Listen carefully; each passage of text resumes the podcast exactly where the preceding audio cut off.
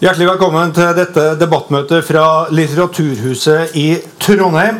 Navnet mitt er Harry Tiller. Jeg skal sammen med Charlotte Sundberg lede kveldens diskusjon, som har overskriften 'Idretten velger ansikt den store idrettsdebatten'. Eh, vi har delt inn eh, kvelden i ulike bolker og tema, og det skal bli rikelig med anledning til dere alle sammen å delta i debatten, stille spørsmål eller eh, kommentere rundt de ulike temaene. Eh, det er bare å vifte med labben, sånn at vi ser, eh, dere, vi som står oppe her. Så skal vi smakte dere inn.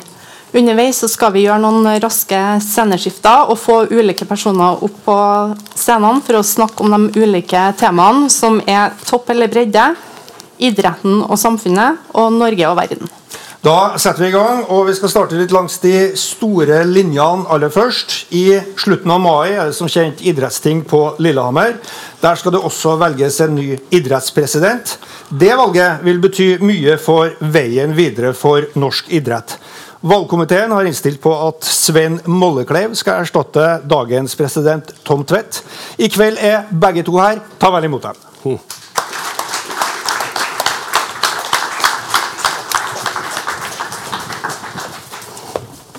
Finn eh, plasser, folkens, og så setter vi i gang. Velkommen til Trondheim. Tusen hjertelig takk. Eh, Tom Tvedt, vi må, jo, vi må, jo, starte med deg. Du sa til NTB i går at du ennå ikke hadde bestemt deg om du skal forsvare din posisjon eller ikke. Og Du har sagt at du har lyst til å gjøre ferdig arbeidet som, som dere er i gang med. Mm. Og du mener at norsk idrett hadde vært best tjent med at du ble sittende. Ja. Det sa du i går. Nå ja. har det gått et døgn. Har du bestemt deg nå? Nei. Nei, For å være helt åpen på det, så, så starter jo min prosess når valgkomiteen spør meg eh, før jul. Eh, og Da må du gå noen runder med deg sjøl og svare valgkomiteen. og Det svaret ga jeg. Eh, og at jeg hadde lyst til å fortsette i denne fantastisk flotte organisasjonen som jeg er født inn i, og som jeg sikkert som de fleste av oss har kommet til å dø med. Ehm, og så har valgkomiteen, som denne organisasjonen har, pekt på en annen enn meg. Eh, og så er det da disse prosessene fram til tinget, det at jeg skal bruke litt tid på på å tenke på meg sjøl, snakke med de rundt meg. og så er det sånn at Du kan ikke drive en idrettsorganisasjon eh, som er basert på tillit hvis du ikke har det. Men hvis du skal igangsette en valgkamp, så må du jo liksom komme på banen ganske snart om ikke det, for å mobilisere Idretts-Norge til å, å, å, støtte et eventuelt kandidatur? da? Ja, men jeg tror jo igjen i forhold til idretten, så er de fleste som driver idrett, de driver på idrettslaget. De driver aktiviteten der nede. Eh, og det å sammenligne dette direkte mot kommunale politiske valgkamper blir noe helt annet. Eh, så for meg handler jo dette om ikke minst å levere det som jeg skal gjøre på Lillehammer, hva jeg har gjort de fire siste siste årene sammen med et styre. Og det er også veldig viktig for meg å si at dette er jo et, et lagarbeid som alt annet. Og, og, basert på det som jeg lovte i Trondheim for å bli valgt for for fire år siden, så skal jeg nå levere det i, på Lillehammer på en god måte. Og jeg mener igjen at vi har aldri hatt flere medlemmer, vi har aldri hatt mer penger. Vi har aldri hatt bedre eh, toppresultater noensinne, så vi kårer til verdens beste idrettsnasjon. Så jeg er veldig stolt av det. Men Hva syns du da når, når valgkomiteen eh, innstiller på, på Mollekleiv, som sitter ved, ved sida av det her? Hva, hva, hva, føler du da, for å bruke et gammelt eh, sportsspørsmål? Nei, men La jeg si på en annen måte. Det er utrolig, altså det er to 1,9 millioner medlemmer og mye flotte folk. Og så hva skjer? Det samme skjer når jeg ble, jeg ble ikke tatt ut på håndballaget og ble satt på benken. Da er, det, eh, da er du skuffa så lenge du har lyst til å spille. Så enkelt er det. Og så er det bare sånn at hvis du ikke er med på laget denne gang, så må du trene. Mm. Så det er jeg veldig rolig på sånn sett. Ja. Uh, du har jo sittet på idrettstinget siden 2011 og vært idrettspresident, ble valgt her i Trondheim uh, i, i 2015, som du var inne på. Hvis, du, hvis, vi ser tilbake på disse årene, så har det jo vært en del styr og en del diskusjon opp gjennom tida. Men, men, hva føler du at det viktigste du har oppnådd er? Ja, Heldigvis har det vært mye diskusjon om idretten. Det er jo det som er helt unikt. Det er jo mange andre frivillige organisasjoner som drømmer om det fokuset som vi har både på uh, nasjonalt, men ikke minst regionalt og lokalt. Det at vi kan møtes her til en åpen debatt om idrett. Jeg har jo savna disse møteplassene. Så Sånn sett så er jo det bare en bonus. Men som jeg har sagt, at uh, jeg satt og gikk gjennom litt sånn uh, tall og utvikling for norsk idrett. Og nå er det sånn at 93 av alle barn og unge er innom idretten. 93. Det var jo sånn Kirken hadde for 100 år siden. De opererte med sånne tall. Eh, vi har aldri hatt mer penger, eh, heller ikke nedover i organisasjonene. Vi har heller eh, ikke hatt eh, resultatene som vi har gjort. Og det jeg er mest stolt av, det er full integrasjon av Special Olympics og utviklingshemma. Vi var jo nå i, og, i, i eh, Hjelp meg da, Qatar. Abu Dhabi, sånn var det. Eh, der vi som idrettsorganisasjon er en organisasjon. Du er med i idrettslaget enten du er utviklingshemma, funksjonshemma eller ikke. Så er du integrert i idrettslaget ditt der du bor. Det er jeg mest stolt av. Å klare å holde denne organisasjonen samla som den eneste organisasjonen som har olympisk, paralympisk, Special Olympics og døve samla i én organisasjon. Det er det jeg er mest stolt av. Mm. Og Så sier du altså at uh, du har mest lyst til å fortsette dette arbeidet og gjøre deg ferdig med prosjektet. Hva er det som, som gjenstår? Nei, ja, la meg si det sånn. Dette prosjektet her blir aldri ferdig. Dette prosjektet, idretten, bygger landet. Uh, når jeg har, bruker de ordene, så er det to ting som jeg mener er ganske grunnleggende. Det er å se den samfunnsutviklingen som skjer nå. Det er kommersielle krefter som er inne og tar av idretten. Eh, de kjøper rettigheter som ikke gjør at klubbene får penger. Men den viktigste prosessen som vi er i gang med nå, det er digitalisering, som har skapt mye støy. Men i forhold til å ivareta nye prosesser med GDPR, sikkerhet, politiattester, så er dette et arbeid som jeg har påbegynt, og dette styret har påbegynt, som jeg har vært veldig opptatt av å gjennomføre. Men idretten i seg selv kommer til å vare i 100 år fremover. Og det må vi aldri miste, nemlig den møteplassen at folk flest får lov til å være med i dette fellesskapet. Og der er vi ikke i mål før alle som har lyst, penger, ikke penger, ressurssterke eh, eh, foreldre, at alle får lov til å være med og gå ut ifra der de ønsker å bli bedre i framtiden. Det må være målet vårt. Svein Mollekleiv, du er jo innstilt som eh, ny idrettspresident. Eh, jeg kan jo bare si kort om, om bakgrunnen din. Da. Du har vært informasjonssjef i Norges idrettsforbund, du har vært markedssjef i Norges fotballforbund, du har vært generalsekretær i Norges Røde Kors. Jeg vet ikke om vi skal skryte av det her, men du har vært styreleder i Vålerenga fotball også. Og, og, president i Norges Røde Kors. Eh, vi skal snakke litt om, om, om hva du ønsker med idretten, men, men deler du Tom Tvedts beskrivelse av utfordringene og det i Norges idrettsforbund har oppnådd under, under Tvedts ledelse? Det er ingen tvil om at den norske idrettsmodellen er unik. I verdens mest frivillige samfunn så er idrettsbevegelsen den desidert største frivillige bevegelse. Forankret i alle lokalsamfunn i hele Norge. Der den har ett sentralt punkt. Det er klubben det er idrettslaget. Det er der aktiviteten foregår. Det er der mennesker utvikler seg. Og målet om idrettsglede for alle, det må omsettes i en realitet. Og dagens samfunn, der ser vi at ulikheten er en betydelig utfordring. Og den utfordringen, den rammer også idretten. Derfor er det å gå fra de vakre ord om idrettsglede glede for alle, til å tilrettelegge for at klubbene, idrettslagene, kan styrkes, slik at alle reelt sett får den retten til å kunne delta på egne premisser, på egne vilkår, med egne ambisjoner og egne forutsetninger. Mm. Og da snakker vi alle. Så den ambisjonen, den deler vi. Den ambisjonen, den har Idrettstinget enstemmig sluttet seg til. Og den ambisjonen må realiseres ved å sørge for at vi får hele Stortinget til å si at vi støtter utviklingen og styrkingen av en idrettsbevegelse som skal være åpen for alle, og der alle kan delta. Det er idrettspolitikk og ikke partipolitikk. Nå vet vi jo ikke ennå om, om, du får noen motkandidat eh, på, på idrettstinget. Det, det, det, har ikke Tvedt eh, bestemt seg for riktig ennå. Eh, men, men, hva er forskjellen på dere to, sånn som, så som, du ser det? Det får andre vurdere. Jeg har eh, også levd et helt liv i idretten. Eh, som utøver, som eh, leder, som trener. På alle nivåer. Fra jenter 10 til å være styreleder i Vålerenga da vi faktisk vant Tippeligaen foran Rosenborg. Rolig nå. Eh, det er sant. Jeg er glad for at jeg fikk sjansen til å være manager for hockeylandslaget da vi rykka opp eh, for første gang i A-serien i, i 89. Men det viktigste er erfaringen eh, til også å være styreleder for Frivillighet Norge. Da vi evnet å samle alle frivillige organisasjoner i Norge for å gå med én stemme til Stortinget og si det er noen forutsetninger som vi ønsker innfridd, de, som vi alltid står sammen om, og der idretten må være en del, og som gjorde f.eks. at momskompensasjon ble delvis innfridd. Det er fortsatt noe som gjenstår.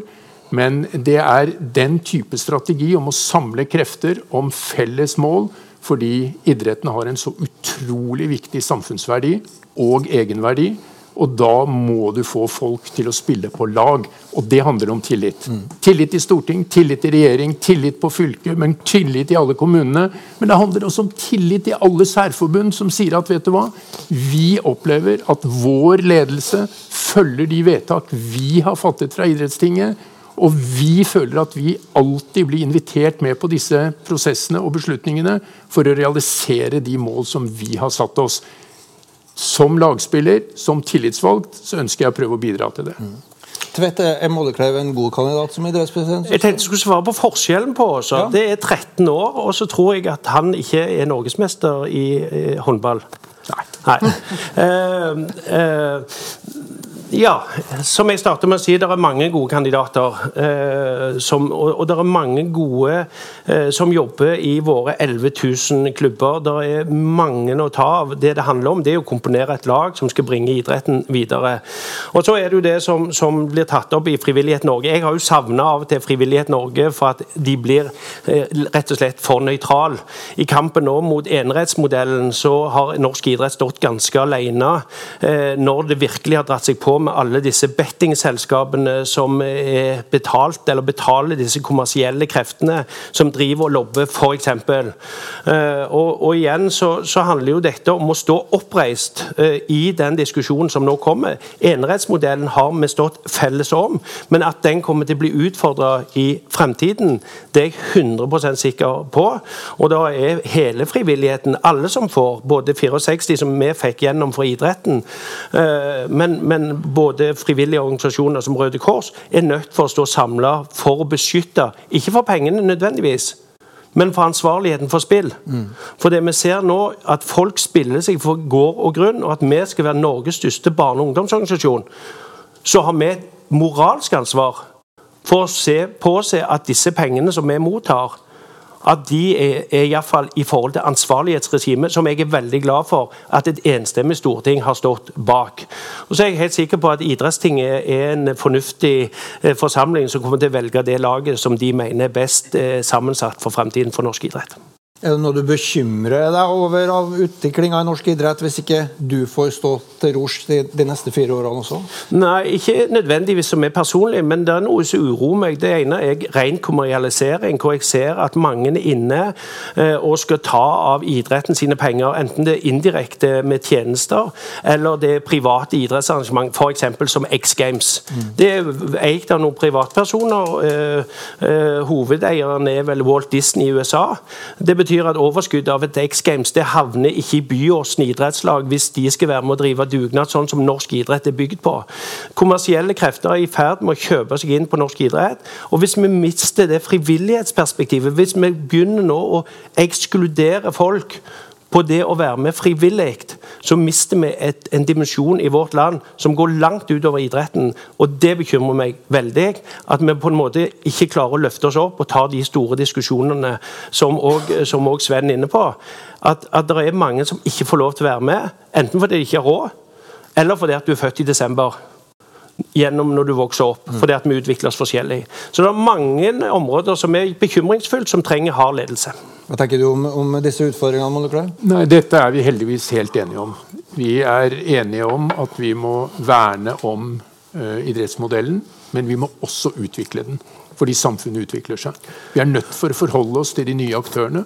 Men Vær konkret. Hva, hvordan skal det bare, altså, bare understreke viktigheten av å verne om en modell som ikke bare handler om penger, men som handler om verdier og beskyttelse.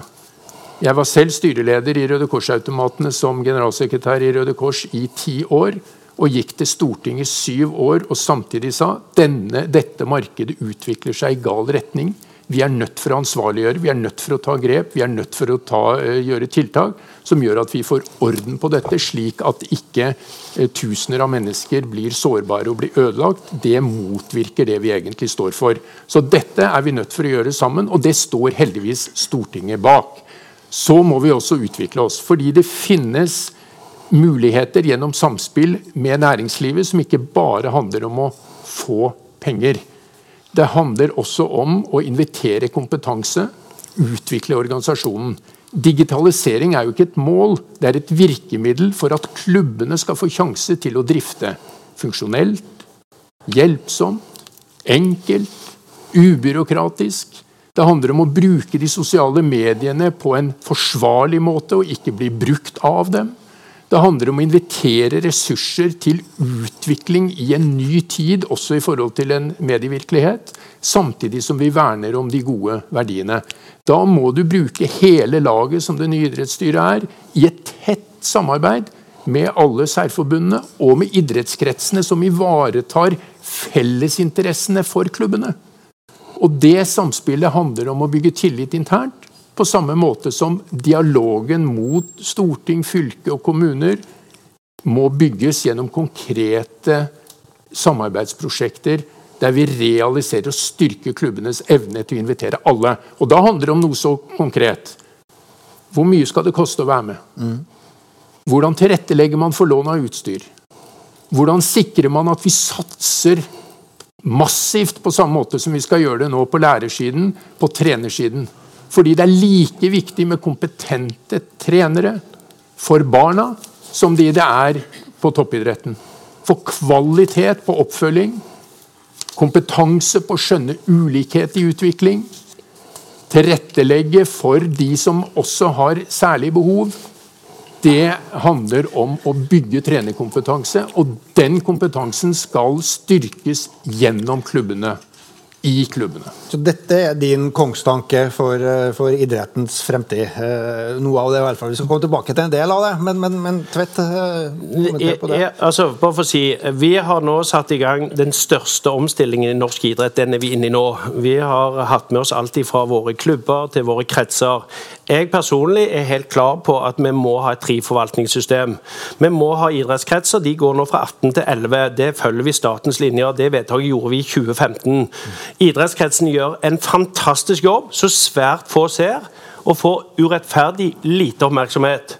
Men de som får enda mindre, det er idrettsrådene, som er vår forlenge arm, som gjør en utrolig jobb for å påse at det er differensiering både på anleggssiden, jobbe opp mot kommunestyrene. og jeg sier Der putter du én krone inn, du får ti kroner ut. Eh, den strukturen er jeg veldig tydelig på, må vi ikke rokke med. Noen har begynt å diskutere til og med om vi skal skille ut et olympisk, eget olympisk styre, som de har i Sverige. Jeg er 100% imot. 100 imot. Eh, så, så, så der kan du bare fortsette Sven, på det eh, løpet som ligger. Det skal diskuteres på idrettstinget. En del sånne stolper hvordan vi skal gjøre det. Og det andre, det å gjøre det enklere å være idrettslag, det er digitalisering. Vi kommer ikke utenom det. Jeg prøvde å starte med at hele frivilligheten burde lagd sin database. Det ville ikke myndighetene. Nå bygger idretten sin egen. Og så tror jeg det er en viktig faktor som vi aldri må glemme eh, når denne type debatter det skrives. 70% av de inntektene som idrettslagene våre har, 70% betaler de sjøl. Det er kontingenter, det er lokale sponsorer, det er dugnad. Mm. Og Av og til så høres det ut som at vi er en del av en stat, et direktorat. Men vi må aldri miste for øye at vi er en selvstendig organisasjon som er en del av samfunnet men vi er ikke en del av selve statsapparatet.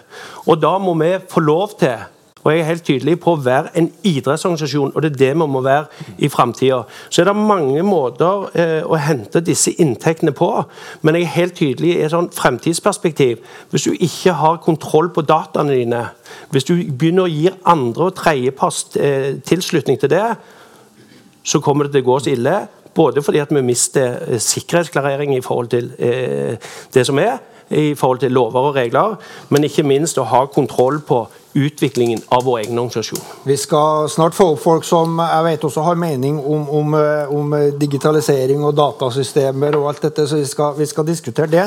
Eh, men, men eh, før vi, vi, tar et raskt sceneskifte her.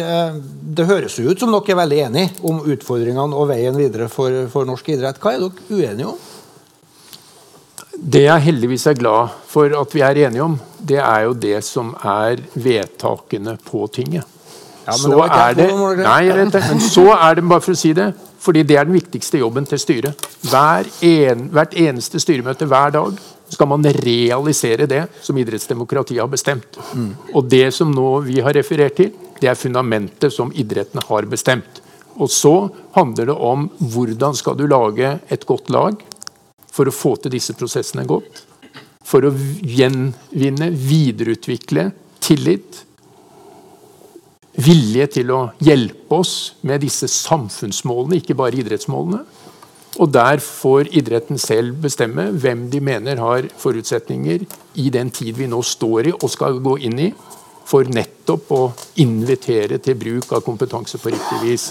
Og det er jo det et eh, valg handler om. Nei, for, for, min del så er det veldig enkelt. Altså Sven sier dette at å bygge klubber. Altså I 2013 så hadde vi 5600 kurs. I 2017 så hadde vi 11.370. Alt vi gjør, må vi gjøre i klubb. Det som jeg vil utfordre deg på, det er jo hvordan du har tenkt å finansiere enda mer. For dette handler til syvende og sist så kommer dette til å handle om penger. Og Da handler det om prioritering. I dag så får vi av spillemidlene inn til NIF Særforbundet litt over 700 millioner. Så vi lager dommerkurs, klubbaktivitet, grunnlaget for det. Så spørsmålet er liksom, vil du restrukturere den finansieringsmodellen som ligger? Og, og, og da er det litt sånn Jeg er jo veldig tydelig på at vi må ha rolle og ansvar. Hva gjør NIF? Hva gjør Særforbundet? Hva gjør klubb? Og så må vi klare å understøtte klubb hele veien. For uten klubb, ingen NIF. Så enkelt er det. Men det er noe med pengene her som For jeg er jo ikke uenig i at du skal styrke klubbene, men det skal finansieres. Det er to store utfordringer. Det ene er utfordringen med å sørge for at pengene kanaliseres dit aktiviteten foregår nettopp i klubbene, idrettslagene. Det fikk vi til i Røde Kors fordi lokalforeningen møter de humanitære behov. Og det skulle aldri være slik at en klubb er nødt for å finansiere ledd oppover. Det skal være slik at strømmen går ut til klubbene, slik at aktiviteten kan stimuleres. Det prinsippet handler om en prosess, en prosess internt. Så handler det om å se hvordan rammevilkårene for norsk idrett kan bedres. Dels handler det om spillpolitikk, men dels handler det også om støtte til utviklingsprosjekter. Er det noe den nye digitaliseringsministeren burde involvere seg i, så var det å være hjelpsom til Norges største frivillige bevegelse og tilrettelegge og realisere dette slik at klubbene sier vet du hva, vi har fått et virkemiddel som gjør oss i stand til å forenkle og bedre. Og de ressursene bør staten kunne kanalisere inn på en god måte. Det første møtet med den ministeren, etter å ha møtt alle partiledere og møtt statsminister og møtt ministre, til å si hva vil dere gjøre for å styrke rammevilkårene for norsk idrett? jeg har bare en ting å si, for, for det er en ganske ja. vesentlig ting. Og Det er det Sven sier, at dere ikke skal kanalisere penger nedenfra og opp. Det er null kroner som går nedenfra og opp til norsk idrett. Null. Alt går ovenfra, altså fra storting, eh, regjering, til klubb. Så, så det er en modell som ligger nå. Men det var jo før påske noen nyheter om, om breddefotball som finansierte elitelag osv. Ja, men det er i klubb. Okay, i, så, så det betales ikke fra Byåsen til Fotballforbundet. Men det er jo klubben isolert sett som velger å gjøre det. Men pengeflyten går alltid nedover. Ok. Dere skal få sitte her. Eh, vi skal slippe flere i debatten også. Charlotte? Eh, da skal vi gå over til neste bolk, som handler om topp eller bredde. Eh, vi starter med anleggspolitikk. For det er jo vedtatt en anleggspolitikk som kommer til å kreve langt tøffere prioriteringer framover. Et viktig element er at man ønsker å redusere kostnadene innenfor barne- og ungdomsidretten. Eh, NIF har jo sagt at eh, dere vil arbeide for at, de, for at det offentlige tar eh, større ansvar for anleggsbygginga. Og da vil jeg høre med deg først, Tvedt. hvordan opplever du at det offentliges vilje er for å ta dette ansvaret i dag? Ja, altså, jeg må jo si først og fremst Vi, vi har jo aldri bygd mer anlegg enn vi gjør nå. Samtidig så har jo pågangen aldri vært større heller. Og Disse eh, tingene henger nøye sammen. Og så er det der kommunen eh, står som utbygger. Eh, der, pleier, der, pleier, jo kommunen å forskuttere det som heter etterslepet. Men at det er mangel på anlegg i Norge, det er det ikke tvil om. Eh, det som ble sagt når vi kjørte OL-prosessen om 2022, da skulle man jo ta igjen etterslepet og følge det opp. Men det som er gledelig, det er jo at idrettslagene står i et dilemma, som du sier, at, at her, her, blir det for dyrt å delta. Men dilemmaet deres er på den ene siden så har de ikke nok anlegg. På den andre siden så har, du ikke penger. Og så må du gjøre et valg om du skal da bygge nytt anlegg for å få flere inn. Og da blir det en høyere kontingent. Eh, det vi, har, vi har vedtatt nå ny anleggspolitikk. Noen spørsmål kommer òg til idrettstinget. Men det vi har løftet i det offentlige rom, det er det at vi ser det som urimelig at eh, de, det som heter kostnadskrevende anlegg, f.eks. svømmehaller, det finansierer oss over spillemidlene, selv om idretten bruker bare eh, 30-40% av tiden. Det ligger jo i skoleplanen at du skal lære dette. Eh, og Det betyr igjen at det burde egentlig staten tatt. for det er jo en rett i Norge å lære å svømme. Eh, det jeg får tilbakemeldinger på òg eh, fra idrettslag som ikke tør å bygge nytt anlegg, det er jo usikkerheten rundt momskompensasjonen. Nå har de jo etterskuddsvis, altså året etterpå, så har de jo bevilga dette. Men det at det er tydeligere rammer for idrettslag og kommuner som vil bygge anlegg, det er helt på sin plass. Så har vi sagt at vi skal jobbe eh, i idretten for å prøve å bygge mest mulig idrettsparker i forbindelse med skole, barnehage, sånn at du kan bruke disse anleggene 24 timer i døgnet. Og Det viser seg jo gang på gang at disse anleggene de har en avkastning som oljefondet bare kan drømme om. Men igjen, vi er ikke ferdig eh, på utbygging av anlegg. Det står masse i kø. Mange idrettslag, mye dugnad, eh, er klar til å gå løs. Og så begynner vi å få et problem på, eh, på drift, altså vedlikehold, etterslep av gamle anlegg. Og Det er litt av minusen når, minus når du har frivillige. Det er at en gjeng som bygger opp et anlegg. De slutter. Uh, og Det er òg en kjempeutfordring det at vi klarer å ha de voksne eldre pensjonister med til å drive disse idrettslagene uh, sånn at disse har en kvalitet som gjør at vi tilbyr uh, våre unger god, gode arenaer. Og så kommer vi til å få en kjempeutfordring eh, på hva vi gjør i framtiden i forhold til nye idretter.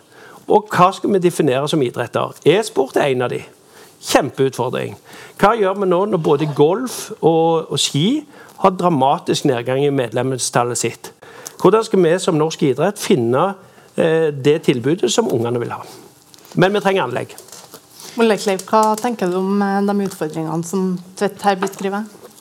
Det som er helt sikkert, er at vi må ha en rolleforståelse mellom myndigheter og idretten knyttet til hvordan vi skal gi alle en rett til å få utvikle seg selv gjennom uh, idretten. Da bør vi klare å overbevise om at det er et større potensial ved å investere mer fra det offentlige ved å tilrettelegge for mer og bedre anleggsutvikling lokalt for å sørge for at barn har trygge og gode oppvekstvilkår, og at man kan leve lenger og bedre i idretten helt til det er slutt. Det betyr at hvis klubbene og idrettslagene kan gjøre det som alle frivillige drømmer om, nemlig å bruke mer tid på aktivitet, utvikle aktiviteten. Og ved at myndighetene tar på seg et ansvar for å tilrettelegge enda mer og bedre enn det som gjøres i dag, via kommuner og fylke og via statlig støtte, så vil vi være i stand til å realisere idrettsglede for alle på en enda bedre måte. Og da er det slik at vi må utvikle en anleggsstrategi. Vi må inngå et tett og nært eh, samspill som innebærer at vi konkretiserer. Og så finnes det noen utrolige eksempler som kan stimulere. Altså Her sitter vi med, med folk fra Meråker.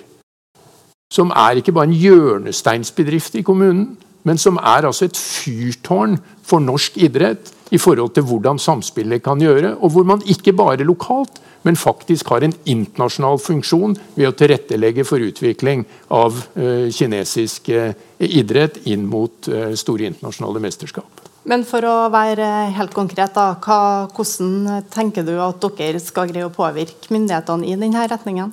Jeg tror at ved å konkretisere hva en investering i anlegg gir av trygge og gode oppvekstvilkår, hva man sparer av utgifter, hva det gir av glede og, øh, og entusiasme. Se samspill mellom aktivitet, folkehelse øh, og øh, helseutgifter. Nå er det jo ingen som begynner med fotball fordi man ikke skal bli narkoman. Man gjør det fordi man er glad i fotball. Men det er en sammenheng mellom trygge og gode oppvekstvilkår og god veiledning og utvikling Eh, og ivaretakelse i trygge og gode og sterke klubbstrukturer.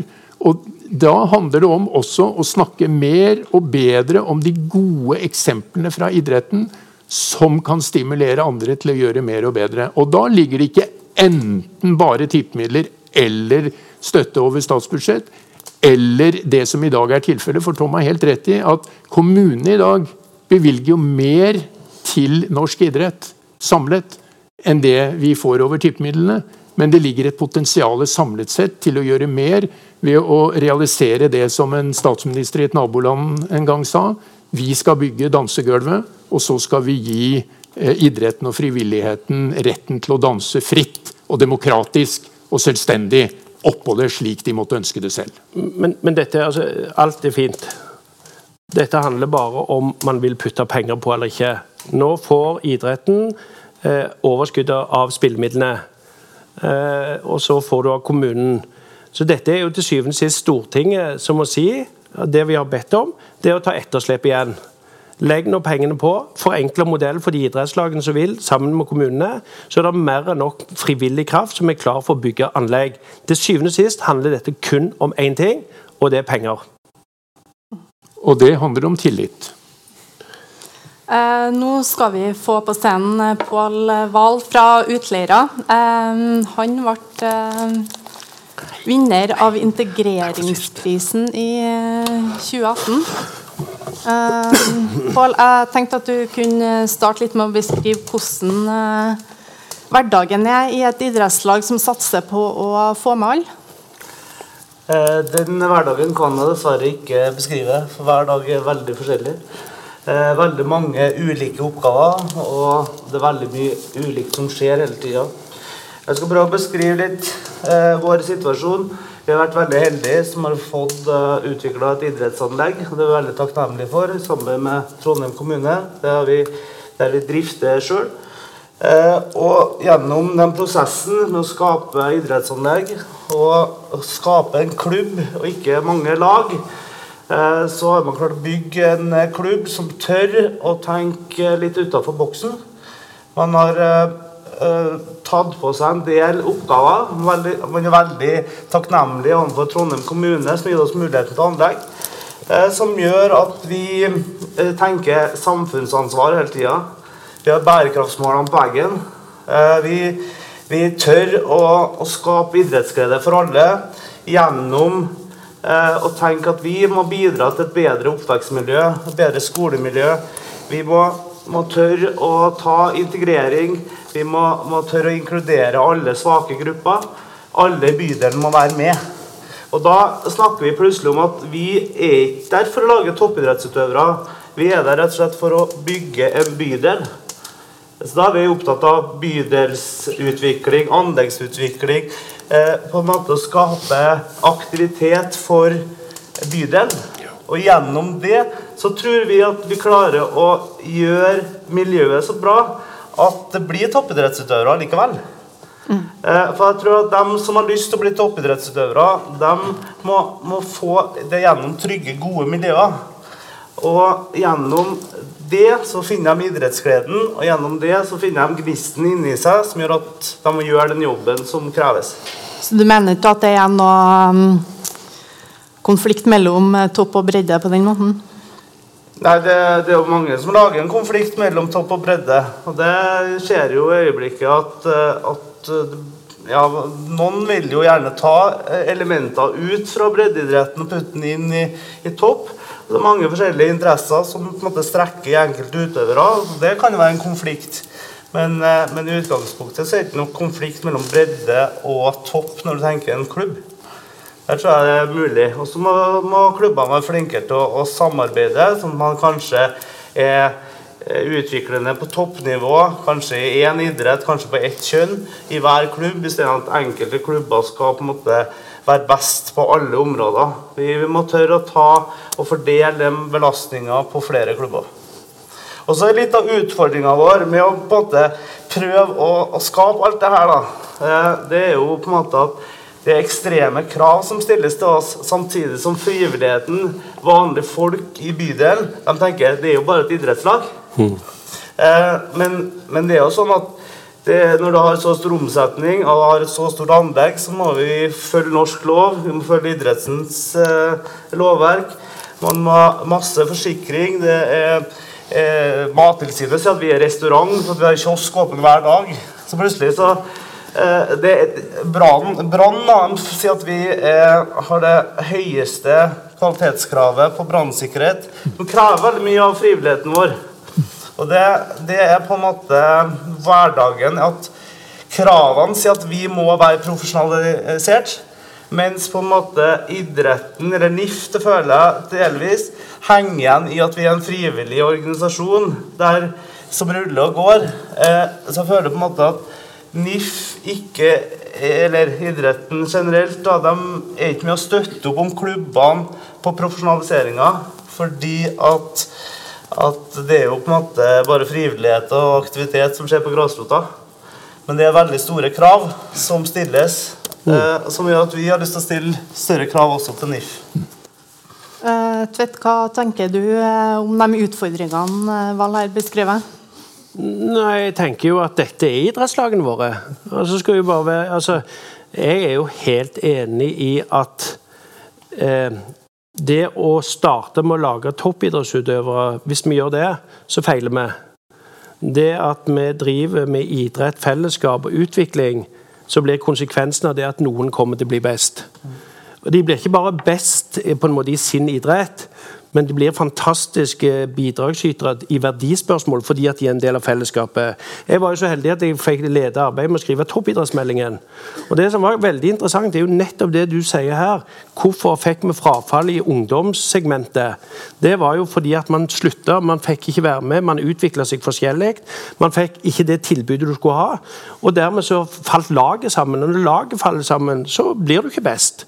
Så jeg er jo helt enig i den beskrivelsen som sier sier om, om, samfunnsbyggeren. Og jeg tror jo av våre 11 000 minus bedrift, så er det 8000 idrettslag. Så tror jeg dette er hverdagen. Eh, Men, så, så skulle jeg svare på det som var kritikk. Eh, og det var jo spørsmålet om krav om rapportering. Ja, eh, eh, det er jo altså Vi sitter jo igjen og skal rapportere til myndighetene. altså Vi, er, vi leverer det som heter en spillemiddelsøknad. Den leverer vi hvert år eh, på ca. 70 sider. Så rapporterer vi eh, hvert kvartal. Eh, og Da må du rapportere til oss, og så rapporterer vi til Kulturdepartementet. Pluss at vi da når året er slutt, så lager vi en ferdig det som heter nøkkeltallsrapport. Så vi sitter jo litt sånn begge plasser, fordi at vi skal rapportere tilbake til Stortinget på hva disse pengene er brukt til, hvor mange kurs vi har hatt og alt dette her. Så dette er en kjempeutfordring. Og det tror jeg er noe av dilemmaet til norsk idrett i fremtiden. eh, så kan jeg si til deg eh, frivilligheten har mange dimensjoner. Men, men, jeg tror vi kommer til å se en endring i idrettslagene våre, der du kommer til å ha en profesjonell daglig ledelse. Der du før hadde en kasserer som tok det på, på dugnaden, og sånn, så tror jeg du kommer til å se nye strukturer i idrettslagene. Men vårt mål er kontinuerlig å jobbe og gjøre det enklere å være idrettslag. Men det med brann og sikkerhet det tror jeg ikke vi bør slippe unna.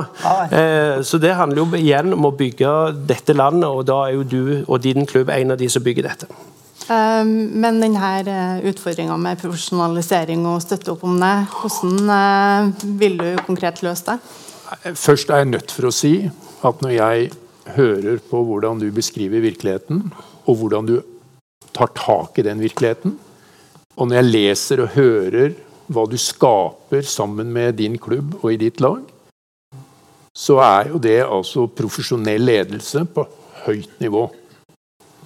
Og så må vi være klar over at norsk toppidrett står på skuldrene til Norges største frivillige folkebevegelse. Det er realiteten. Og det er samspillet mellom denne frivilligheten, altså det at man er frivillig og ikke betalt. Jeg tok ikke en krone fra Røde Kors i de ni årene som president, men det betyr jo ikke at jeg ikke hadde noen form for kompetanse. Man bruker kompetansen, og det er snakk om å frigjøre den. Og da må vi fri, altså organisere oss slik at frivillighetskoordinatorer kan tilrettelegge for bruk av kompetanse. For vi er nødt for å profesjonalisere virksomheten, slik at vi får mer aktivitet med mer kvalitet ut av hver eneste aktivitet eh, vi gjør.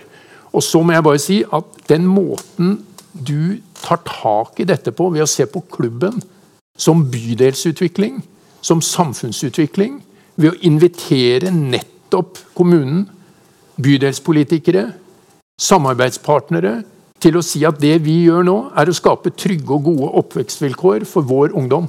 Er det noe jeg er sikker på at hele Stortinget ønsker å være enige om, så er det å si at det prosjektet vil vi være med på. For det er det viktigste for oss å bidra til. Så har de ulike synspunkter. Og du har gjennom praksis invitert til akkurat det. Så til spørsmålet. Hvordan skal vi så forenkle og funksjonalisere? Det er ingen tvil om at dette digitaliseringsprosjektet kan være med på å være hjelpsomt til en viss grad ved å få systemer som gjør at for medlemmene, for de som utøver aktivitet, for de som driver opplæring og for trenere, så kan ting forenkles. Samtidig må vi være bevisst på, alle vi som sitter i idrettsforbund, i særforbund, i idrettskretser, at vi alltid må stille spørsmålet hva er det klubben, idrettslaget, vil ha hjelp til? Og ikke at dere må rapportere oppover, slik at dere blir drept av krav ovenifra, istedenfor å oppleve at dere får hjelp eh, nedenifra. Og Den eh, gjennomgangen er vi nødt for å ta, slik at vi kan forbedre oss og forenkle det. Men samtidig, altså Driver du en virksomhet, så må du svare eh, ordentlig for de krav som samfunnet stiller. På helse, miljø og sikkerhet, på brann. Selvfølgelig fordi du har tatt disse 17 SDG-ene, de står jo på veggen din. Bærekraftig utvikling skal vi gjøre ved at alle skal få retten. Ulikhet er et av de viktigste. Nummer 17 er partnerskap. Det handler om samarbeid, og det gjør du med det offentlige og med, de, med næringsliv. Takk skal du ha. Takk til, til Pål Wahl også fra, fra Utleira. Bare bli sittende, for nå skal vi slippe til noen spørsmål og kommentarer fra salen, hvis det er noen som har det, som går på dette punktet her. Vær så god, du får en mikrofon, og så kan du reise deg opp så at vi hører deg. Ja, hei. Harry Arne Solberg. Fungerer den, ja? Ja. Um, ja, for å si det rett ut, det, det, er litt kjedelig det her, fordi at dere høres så veldig enige ut. Uh, dere er nesten som to dråper vann. Eh, så da for å snu litt på det her Eh, Det blir jo sånn at på framtida man skal liksom Men eh, en, en utfordring til deg, Molekulei. Eh, hvis du ser tilbake på de siste åtte-ti årene da du har vært i styrskuta da, eh, hva er det du er uenig i? Hva er det du ville gjort annerledes enn den nåværende ledelsen i Idrettsforbundet? Nå er det mitt privilegium som kandidat til å gå inn i den rollen og konsentrere meg om framtid som det eneste som vi kan gjøre noe med.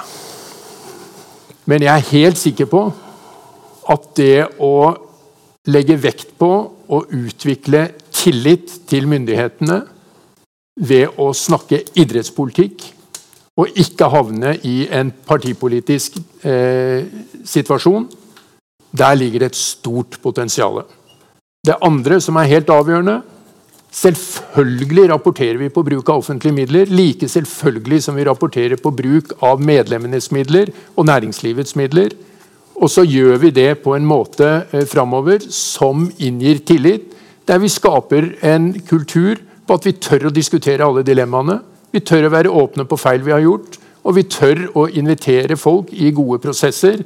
Men når vi har fattet beslutninger gjennom gode prosesser, så står vi bak dem, fordi da har vi sjansen til å realisere dem sammen. Det er det jeg vil si om fortid. Tvedt, dette kan jo kanskje høres ut som en kritikk pakka inn i et veldig diplomatisk språk. Jeg vet ikke om du ja, nei, jeg det sånn? Du skal bare svare på det, fordi du sier at det, dette må ikke bli partipolitikk. Mm. Uh, og da var jo dette spørsmålet hva ville du gjort annerledes? Mm. Uh, og da er jo mitt spørsmål til deg, Mener du at jeg har fremført partipolitisk som idrettspresident? Jeg ser at det har vært et eh, samarbeidsforhold mellom eh, idretten og myndighetene som kunne ha vært bedre ved å eh, utfordre eh, hele Stortinget til felles eh, sak for norsk idrett. Der tror jeg det er et potensial, og det er det jeg har lyst til å si. Jeg tror alle skjønner hva jeg sier. Men da spør jeg igjen. Nevn en sak som du mener at jeg som idrett For dette er ganske alvorlig. For Jeg må bare minne om at de fem foregående presidentene i norsk idrett eh, var fra Høyre. Og da er mitt spørsmål Nevn en sak som du mener at jeg har vært partipolitisk i. Jeg kan bare si det jeg har sagt, at jeg tror det er et potensial for å samspille bedre med hele Stortinget for å realisere idrettens mål og ha tillit eh, tvers igjennom. Men, men, det du da sier, men ikke sier, Molleklev, er jo at det har vært en ensidighet og en partipolitisk strategi fra Tvedt og hans idrettsstyre? er det ikke det? Det jeg sier er at jeg tror at samspillet mellom uh, myndighetene og Idrettsforbundet har et potensial til å bedre seg på det feltet. Jeg, jeg, kan jo bare si at Hvis det er denne med politiske saker, så er det et idrettspolitisk dokument. Jeg har stått oppreist for enerettsmodellen. Jeg sto imot proffboksing i forhold til knockout-nemnda. Jeg har stått imot i forhold til dopingspørsmålet med X Games. Jeg har tatt en del ubehagelige saker og stått oppreist i. Men jeg ville ha meg frabedt der du sier at jeg har drevet partipolitikk. Jeg har drevet idrettspolitikk, som er vedtatt i eh, 2015 av Idretts-Norge. Og Det må jeg be om respekt for. Og det styret som er sammensatt, ikke partipolitikere. Det er det er styremedlemmer som gjør det beste for norsk idrett. Det er helt riktig at alle er valgt for å ivareta norsk idrettsinteresser basert på Idrettstinget. Og det er slik det skal være fremover. Ok, Vi skal ha en kort pause, men vi har tid til et spørsmål eller en kommentar i hvert fall fra, fra salen. Er det flere som er opp med hånda? Der sitter noen på tredje benk. Vær så god. Eh, Renate Svenning. Eh, det her går med på bredde. Du må reise deg, så vi får se deg alle sammen. Bredde står på integrering. Dagaktivitetstilbud for barn og unge med nedsatt funksjonsevne. Mm. Eh, det er jo ikke sånn at alle faktisk har et tilbud. For vi som jobber med unger på Grøva, det, det, er mange som står uten tilbud fordi man kommer på en trening, og så drar de, med og så blir de ikke fanga opp. Eh, og da er det snakk om unger helt fra førsteklassen. Og ja, mange klubber er flinke på å ha dem inn, men det er ikke alle som er det. Så vi f.eks. er ute og spiller fotballkamper, så spiller vi, vi mot voksne. Mm. Hva har dere tenkt å gjøre for å satse på at barn og unge også skal få et bedre tilbud? Mm. Med unger, ikke bare de som har synlig handikap, men også usynlig handikap. Mm. Dette er jo helt fundamentalt i forhold til idrettsglede for alle. Og Det er nettopp derfor vi må styrke klubbenes evne til å tilrettelegge for alle. Da må vi utfordre internt, og vi må utfordre i forhold til myndighetene. Og vi må tilrettelegge på anleggssiden. Og vi må tilrettelegge på opplæringssiden, og vi må tilrettelegge i forhold til at vi har trenere og ledere som har eh, kunnskap og kompetanse til å gjøre akkurat det. Rekruttere inn, men også følge opp. Jeg har sett dette veldig tett og nært, både gjennom det arbeidet som jeg holder på med i, i eh, Vålerenga samfunn, men også gjennom alt jeg har bidratt med i Røde Kors-sammenheng for utsatte grupper, og gjennom det faktum at jeg sitter Eh, som eh, visepresident for eh, det internasjonale programmet til Røde Kors for funksjonshemmede i alle krigs- og konfliktområder i verden. Og har sett hvor de mest sårbare faller utenfor, ikke bare i krigs- og konflikttiden, men før og etter. Det er overførbart også til vårt velferdssamfunn, der vi ser at det er manglende initiativ, manglende tiltak og manglende vilje til konkret å følge opp. Disse utfordringene må vi ta på alvor, alle sammen. Det må vi adressere, det må vi sette på agendaen. Og jeg tror det er mulig å få til mer nettopp i det samspillet med myndighetene enn det vi har gjort til nå. Veldig konkret hva vi har gjort. Vi, og la Jeg starte det. Jeg har jobba i 25 år siden jeg la opp håndballen for den gruppen som, som vi definerer som funksjonshemma. Et veldig spesielt ord, enten utviklingshemma eller fysisk. Eh, nå har Vi-stiftelsen med Kjell Inge Røkke har gått inn med 125 millioner kroner. Folk har nesten ikke fått det med seg. Det handler igjen om å stimulere til klubber, stimulere til aktivitet. Så har idrettsstyret nå vi lager en ny strategi for paraområdet. For vi lagde det på, på uh, funksjonsfriske. Vi har nå gått gjennom med særforbundene, for vi ser at det er jo, der er jo ikke Hva skal jeg si det, er jo ikke så mange funksjonshemmede. Altså, det går ned. Men det er altfor mange som ikke får være med. Og det vi har gjort nå, det er å gå gjennom særforbundene, se hvordan vi skal gjøre det, og se om det er noen klubber Istedenfor at du har, tar det området som jeg kan best, blinde, så er det seks blinde som blir født i året. Og Hvis en i nord, en i sør og en i øst, så må vi klare å lage strukturer som gjør at vi samler dette i klubber for å lage tilbud. Og lage da både kamper, sånn at du slipper å spille mot voksne. Men det arbeidet er satt i gang, og det, den planen kommer vi til å levere på. Men igjen så handler det jo om fokuset på funksjonshemmede. Jeg er trøtt og lei av å høre hvor fint vi snakker om det, men når det kommer til stykket og vil prioritere, så forsvinner vi ofte. Og på dette området her så er vi langt ifra gode nok i Norge selv om vi er langt framme. Her har både klubbene, men vi har òg et kjempeansvar for å løfte disse inn, for disse sitter altfor mye alene.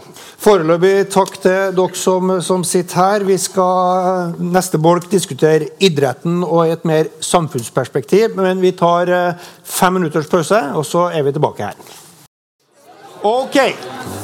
Eh, da må jeg be dere komme til ro. Eh, vi har gjort et aldri så lite sceneskifte. Eh, I denne bolken skal vi snakke litt om idretten og i et, i et litt større samfunnsperspektiv. Vi har fått opp en ny mann i panelet også. Det er Ole Jørstad. Du er Trøndelags eneste kandidat til dette idrettsstyret, som jo nå skal velges på Lillehammer om en måneds tid. Hva blir jobb nummer én for deg og Trøndelag inn i dette? Ja, nå, Hvis jeg skulle bli valgt inn, så velges du jo inn for å jobbe ut ifra den strategiplanen som da skal eh, vedtas på idrettstinget. Så det er viktig å ha med seg i sekken her at du skal jobbe for å utvikle Idretts-Norge. Men for Trøndelag sin del eh, her skjer det jo mye spennende. Her skal det skje mye spennende i fremtida. Vi har en, I forhold til antall innbyggere så har vi en stor andel av idrettsutøvere i, i vår region. Eh, vi skal bygge de beste anleggene, de næreste anleggene, og sørge for at alle sammen har en plass å være. Det er på en måte ned på klubbnivået. og Vi har jo hørt nå hvordan situasjonen er i Utøya. Det går jo inn på den debatten i forhold til den digitaliserte fremtida som vi ønsker å ha idretten inn i, så det blir vesentlig lettere å drive klubb. Men samtidig så ønsker jo vår region å være en arrangementsby. Eh, vi ønsker å ha ski-VM hit. Neste år må jeg til minne om at vi skal ha to europamesterskap her. Januar for eh, herre-euro på håndballsida og på damer i desember. Og den posisjonen tror jeg vi skal jobbe for videre òg eh, de neste årene. Ikke bare skal vi være en sportsregion, men vi ønsker òg å være en plass der idrettspolitikere eh, møtes for å da ha en samkvem med den politiske eh, politikerne som vi har her i regionen. Mm. Og Skal jo trøndersk idrett få til dette, så er det jo antageligvis viktig vil jeg gå ut ifra, at, at man velger et idrettsting og et, et idrettsstyre som, som, ser hele landet, og som tar hele landet i bruk også. Du har jo sittet her og hørt på debatten her innledningsvis. Hva, hva tenker du om de signalene som kommer fra, fra Tvedt og, og Mollekleiv om, om, veien videre for, for norsk idrett? Nei, begge peker jo på mye av de samme områdene. Eh, jeg forstår jo litt eh, spørsmålet bak i salen her, at de, de virker jo veldig likt de ja, de to presidentkandidatene her. Ja, bare én kandidat foreløpig. Ja, det er bare én kandidat. Eh, og så, nesten sånn jeg så på Tord Lien og Ola Borten Moe når begge to hadde vært olje- og energiministre. Det var ikke store forskjellen på dem heller. Og jeg syns begge to har et godt bilde av hvordan fremtidens Idretts-Norge må drives. Mm. Vi må jo se litt tilbake også. Eh, det har jo vært en del eh, som vi, vi om innledningsvis også, en del diskusjon og debatt om, om åpenhet, om etikk, om pengebruk, om, om, om avstand mellom bredde og topp osv. Sånn. Hva, hva, hva er det viktigste norsk idrett må, må, lære av sin nære fortid nå for å, å, å gå videre, syns du, Jørstad? Du peker jo på en veldig krevende sak som eh, kom midt i perioden eh, til sittende idrettsstyre. Det med åpenhetsdebatten som VG åpna. Eh, de åpna vel på omtrent samme tidspunkt eh, to saker. Den ene gikk mot et særforbund. Den andre gikk mot da idrettsstyret.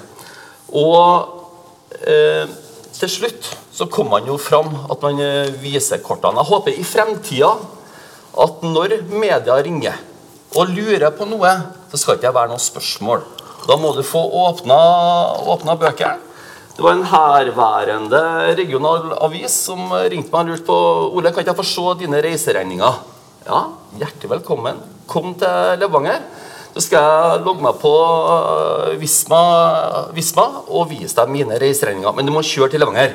Jeg tror den åpenheten her, at du viser at du er åpen, eh, at du ønsker å spille kortene dine på en sånn måte at du aldri har noe å skjule, det er utrolig viktig fremover. Tvedt, hvis du ser litt tilbake på den nære fortida du, da, hva, hva, hva, har, hva, har, du og, og, Idrettsforbundet lært av den stormen dere har stått i angående åpenhet? Eh, først og fremst har vi lest, eh, lært det som vi har gjort, nemlig eh, det som heter Åpenhetsutvalget sine 21 punkter, som vi nedsatte en gruppe. Med det jeg var opptatt av når dette kom, det er at dette spørsmålet åpenhet det handler om mye mer enn disse kvitteringene eller regninger. Dette handler om hele organisasjonen.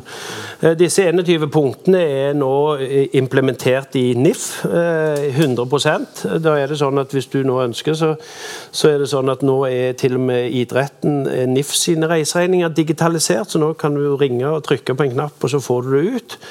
Eh, det vi sto med i den situasjonen sånn sett tilbake i tid, eh, så skulle jeg bare tatt det vi snakker om, ca. 25 000 kvitteringer, for det var det det var. De lå i gammel papirversjon. Og så reiser man da på, på regning. Det betyr at mine ansatte hadde sin bankkonto og alt det på med navn, så vi måtte gjøre en prosess. Men sett i ettertid så skulle jeg bare lagt 25 000 kvitteringer ut raskest mulig og ferdig med det. Fordi at jeg mener igjen at det jeg har sagt, det er måten vi har drevet på. Så det er ting der som aldri skulle ha skjedd. Og så er det sånn at nå er det rydda opp i. Det er Alt er på plass, og den nye strukturen ligger til grunn. Og Så er det interessant nå å se at det blir referert til Stortinget, som har noen utfordringer på ting de ikke vil vise tydeligvis. Det var visst ikke så enkelt. Eh, men jeg registrerer at de bruker vår mal, altså denne, denne som vi har nå opparbeida og lagd eh, for norsk idrett. Den blir det nå henvist til for at man skal ha åpenhet. Så Sånn sett så har det vært bra for norsk idrett. Det er brutalt eh, når du sitter som leder, men jeg vil være veldig tydelig på at jeg har ikke kasta noen foran bussen. Jeg har stått oppreist, jeg har stått i det, og vi har rydda opp og levert det som nå er praksis i norsk idrett. Og der mener jeg at vi er den åpneste organisasjonen i hele Norge, inklusiv Stortinget. Er du enig i det, Ørstad? Ja, og det er viktig å registrere at idrettsstyret tok jo tak i dette. her. Og Så ble det jo satt ned et utvalg, altså Bernander-utvalget, som kom da med tolv uh, krav til 11 til, til idretten. Og jeg står jo fullstendig bak de, de 11. Men det må jo ikke bare gjelde idretten. Tom peker på at det må gjelde det politiske miljøet. Det må kanskje altså pressemiljøet får òg statlige midler. Jeg eh, er jo en del av primærnæringene. Vi òg får statlige midler. Så alle sammen må jo kunne spille veldig åpent i forhold til de offentlige midlene de får. Mm. Og Klarer man å gjøre det, så tror jeg man klarer å leve ganske godt i det. Mm. Mollekleiv, du, du, så jo sikkert litt av, av denne striden fra, fra utsida. Eh, eh, sånn sett, Hvordan, hvordan syns du det tok seg ut? Nei, Jeg mener det er helt avgjørende viktig at vi etablerer en fullstendig åpenhetskultur innenfor rammen av de lover og regler som er i samfunnet.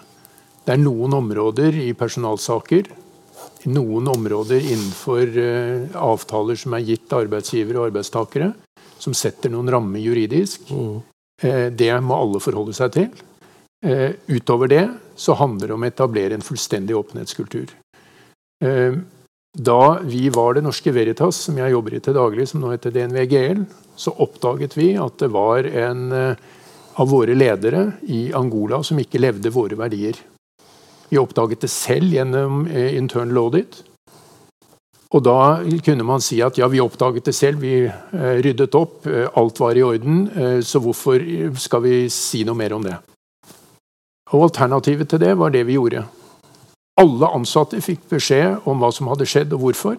Hva lærte vi av det? Vi gikk til alle kundene og fortalte om det. Vi involverte Utenriksdepartementet og dro inn alle ambassadører for å fortelle hva som hadde skjedd, hvorfor det hadde skjedd, og hva som kan skje. Og, nei, nei, hør nå. Og vi gikk til myndighetene i Angola og sa hva som hadde skjedd, fordi det var selvfølgelig familien til uh, presidenten som også hadde fått uh, vilkår å holde på. Og hva var resultatet? Selv Det Norske Veritas, som skal sjekke alle andre for at de følger lover og regler og standarder, kan altså komme i en situasjon hvor man gjør feil, men vi snakker om det helt åpent. Og hva førte det til? Økt tillit, ikke det motsatte. Fordi åpenhet er etablert som en kultur. Sånn må vi ha det også. Vi må tørre å snakke om at vi hver dag står i dilemmaer. Hver dag så er det noen som gjør feil. Rekk opp en uh, hånd, den som ikke har gjort en feil. Ja.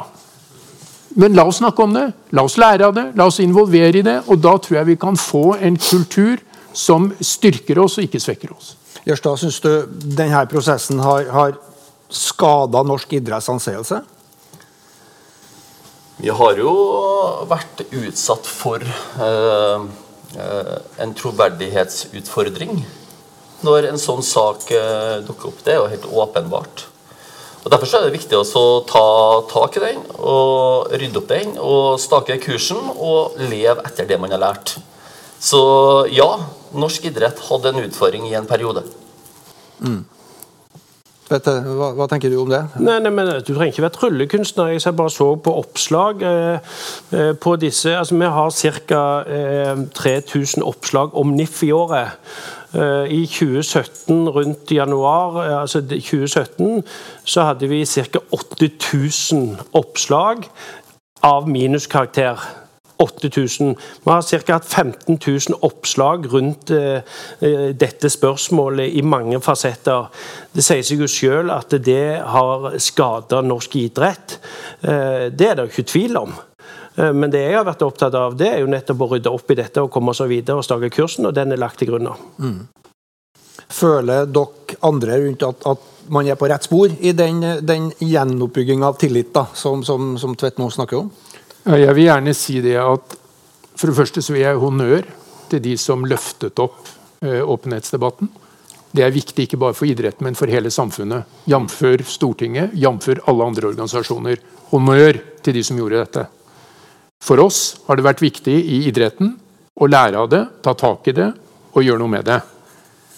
Så er spørsmålet hvordan vi videreutvikler dette nå. Og da finnes det noen gode eksempler. Det er veldig oppmuntrende når Fotballforbundet, som et eksempel som jeg står tett, får honnør også fra mediene på å ha laget en åpenhetskultur ved å utvikle en ny policy, der jeg også opplevde som leder av etisk komité at styret i en del saker holdt lukket saker som de burde ha snakket åpent om, slik at hele fotballfamilien kunne lære av de utfordringer man står øh, overfor. Så Sånn sett så har vi beveget oss definitivt i riktig retning. Men, men, men, Sven, der må vi jo bare si hele den diskusjonen det starta med et spørsmål i Fotballforbundet mm. om å få se kvitteringer. Mm. Fotballforbundet har ikke lagt ut på det nivået de har gjort. Mm. Det har vært viktig for meg som paraplyorganisasjon å ta med de andre særforbundene og rydde opp i det. Og der har jeg valgt å stå i spissen for det. Så, og Derfor er jo hovedspørsmålet ditt har man lært. Ja, man har lært til de grader. Og så har vi gjennom det. Og da er det sånn tillit eller ikke tillit. Den får du hver dag du gjør en jobb. Men jeg mener igjen, det vi har gjort, er dokumenterbart. Vi er den åpneste organisasjonen i hele Norge. og utfordre alle til å prøve seg på det. Og så er det læring. Derfor er vi verdens beste idrettsnasjon. Vi må trene hver eneste dag. Gjørstad, kort til deg. Ja, og det er derfor, da, hvis eh, jeg skulle få tillit nå på idrettstinget, eh, så skal jeg iallfall være med å gjøre det jeg kan for at det nye teamet eh, sørger for at man eh, gjenvinner og fortsetter å skape tillit eh, inn mot idrettsstyret frem til. Mm. I, i, når man ser på idretten i et samfunnsperspektiv, så er jo, er jo arbeidet dere gjør med etikk også eh, sentralt. Eh, det finnes jo etiske veiledere på, på alle plan i idretten, eh, skjønner jeg, der det bl.a. sies noe om rollemodeller, veivisere for barn og ungdom. Det handler om grunnverdier, åpenhet, som vi har vært inne på, inkludering, løse tvister rettferdig, drive etter sunne økonomiske prinsipper, respekt og idrettsglede og alt dette her. Eh, hvordan står det til med, med det arbeidet? Eh, hvis du ser hele Idretts-Norge under ett? Eh, Nå, igjen så må vi ha noen sånne perspektiver. Vi er en diger organisasjon som er så kompleks som det bare er. Så jeg sier at Fotballforbundet har 400 ansatte. Squashforbundet har én. De skal gjøre akkurat det samme på antidoping, kampfiksing, medlem. De skal følge det opp. Eh, så er det sånn at altså, jeg mener det står veldig bra til. Det betyr ikke at vi er ferdige, for dette må vi jobbe med kontinuerlig. Så vet vi at det skjer eh, seksuell trakassering hos oss. Vi har saker der som, som, som ikke skal være der. Eh, vi har folk om homohets som blir holdt ut forbi fordi at de har en annen legning. Eh, vi har folk som ikke får være med fordi de ikke har penger. Vi får ha folk som, eh, som ikke får være med fordi de har en funksjonshemming. Men det må vi jobbe med hver eneste dag, som ble presentert av Samfunnsbyggeren. Og det er på en måte det jeg tenker i forhold til det med etikken. Den begynner vi med i idrettsklubben når du er fire år. Og Da må vi ha ledere som er verdistyrt, som gjør dette hver eneste dag. Vi kan ikke begynne å jobbe med verdier når du er 20. Dette må være grunnleggende. Og så må jeg bare si, Vi må heller ikke bli naive. Altså I dag bruker vi ca. 50 millioner på å jobbe mot antidopingprosjekter. Men kampfiksing, juks, bedrag, at vi går hjem og ikke vet at de rette har vunnet fordi at bettingen har gjerne satt en eller annen kampfiksing på det. Det bruker vi lite penger på. Så må vi aldri bli naive. Det er alltid noen som vil utfordre oss på verdiene våre og etikken. Og det er det viktigste vi jobber med utenom idretten, det er det fellesskapet. Uten det så, så har vi ikke sjans. Og hvis folk går hjem og ikke vet om det rette laget vant, da må vi bare begynne på å drive med noe annet. La meg være veldig eh, konkret. Samfunnsansvar er hvordan hver og en av oss utfører vår virksomhet hver eneste dag. Ansvaret ligger i ledelsen, ligger i linjen tvers igjennom, men hver og en av oss leverer. Derfor var det helt avgjørende viktig for oss Nå bruker jeg helt konkrete eksempler, for jeg mener Idrettsforbundet bør gjøre det på samme måte. Da etisk komité ble oppnevnt av styret i Fotballforbundet, rapporterte til styret, så var det viktig når fotballtinget sa vet du hva, dette er for viktig til å overlates til et styre. Vi vil at hele tinget skal velge denne komiteen, slik at hele komiteen skal rapportere tilbake til hele tinget, slik at alle kan få læring over de dilemmaer, de sakene og de konfliktene som er tatt opp. Det er en måte å invitere alle lokale ledd og alle ledere til å utvikle sin etiske standard og sin etiske praksis. Mm. Eh, derfor vil jeg anbefale at Idrettsforbundet blir valgt, har en etisk komité som blir valgt av og rapporterer til, slik at man blir involvert. Dette er nøyaktig samme type tenkning som går på at vi må tørre å løfte fram dilemmaene, kjøre pro et con, si at den kritikken du fører, den er relevant. Men vi har valgt å vekte de, og foreløpig ser dette bra ut. Og Har vi gjort feil, så må vi fortelle åpent om det, ta tak i det, gjøre noe med det. Men vi må dele de feilene vi har gjort. For da er det jo ikke så farlig.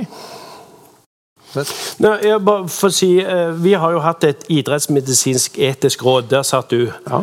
Eh, Nedsatt av eh, det forrige idrettsstyret i forbindelse med Høydehussaken. Skal komme Derfor- tilbake litt til Ja, men jeg skal dopingspørsmål. bare, si. Ja. bare, bare for å underbygge det, som, som Sven sier her, så har vi da oppløst det. Vi, har, vi så at det er to etiske debatter, egentlig. Den ene er det som heter idrettsmedisinsk etisk.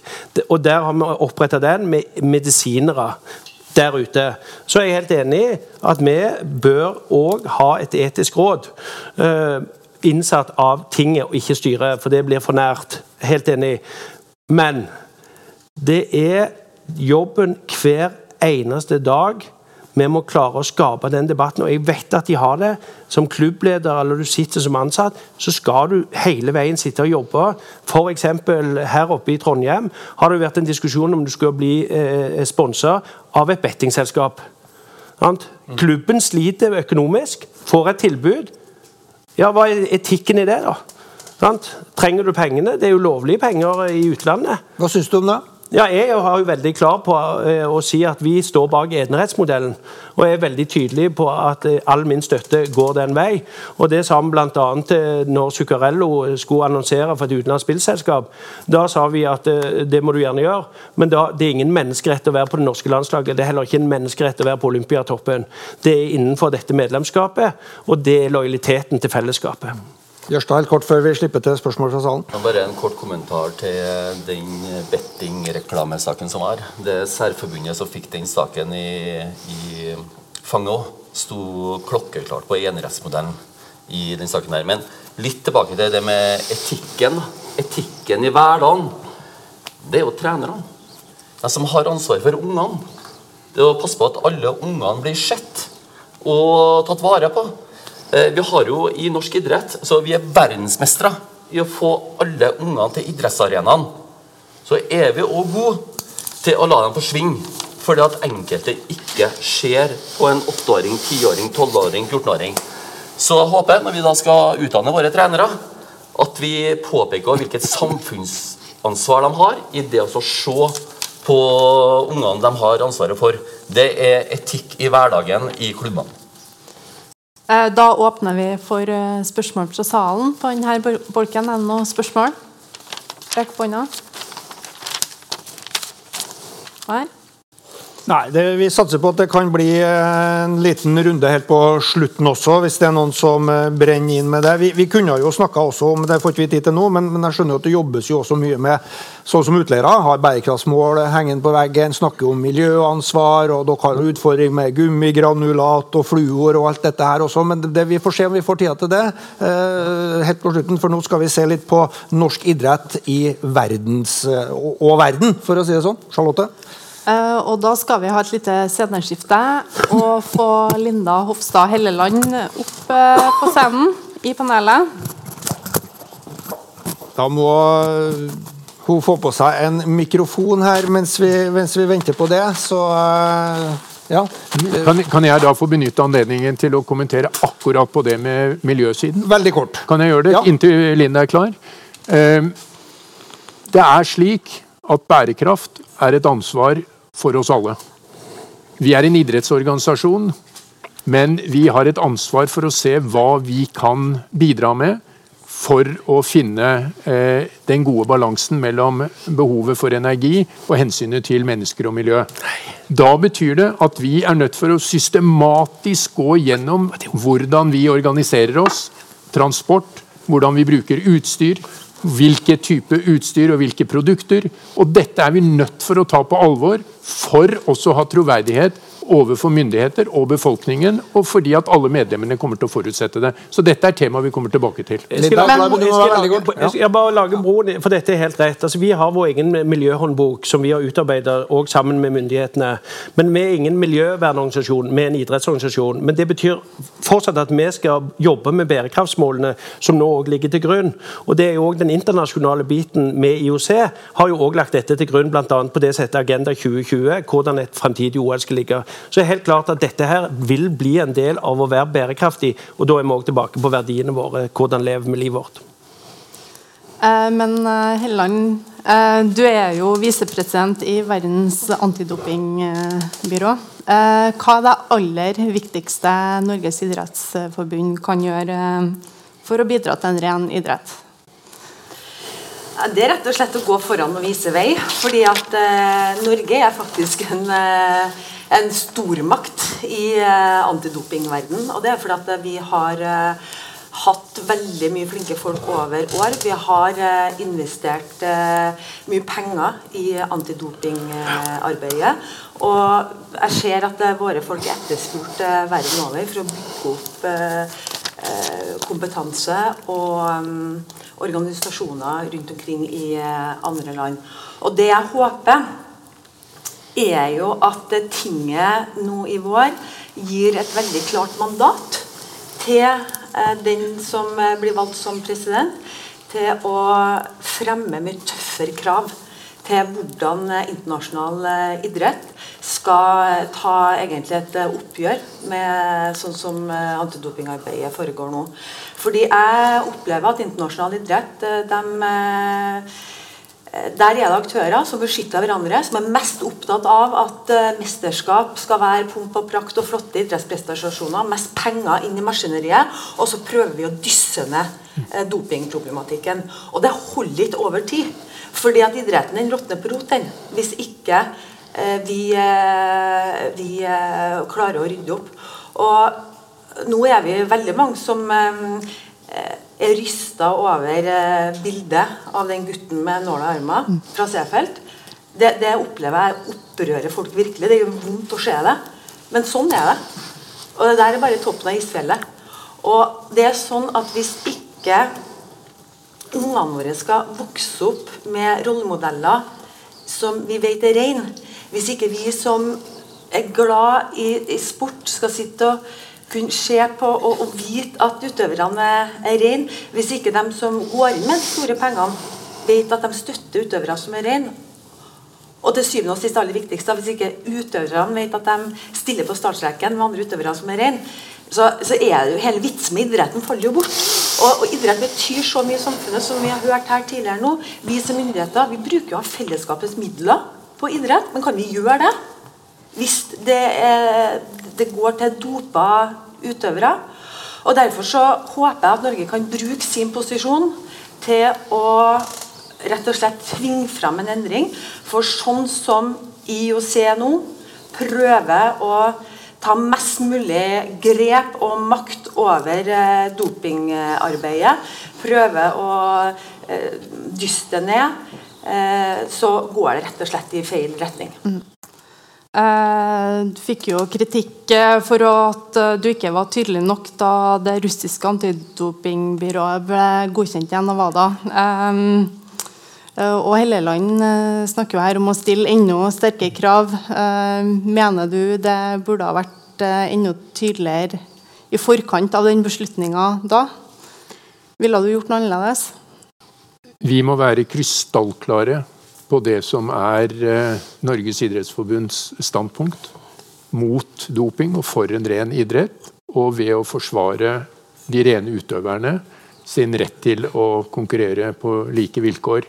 Det må gjøres alltid, hele tiden, i forkant, under og etter, så best man bare kan. En tydelig, entydig, klar stemme og kravet om å etablere et internasjonalt organ som både er, anses for å være, oppfattes til å være uavhengig, er helt grunnleggende for å realisere det som eh, Linda nå beskriver som et fellesmål.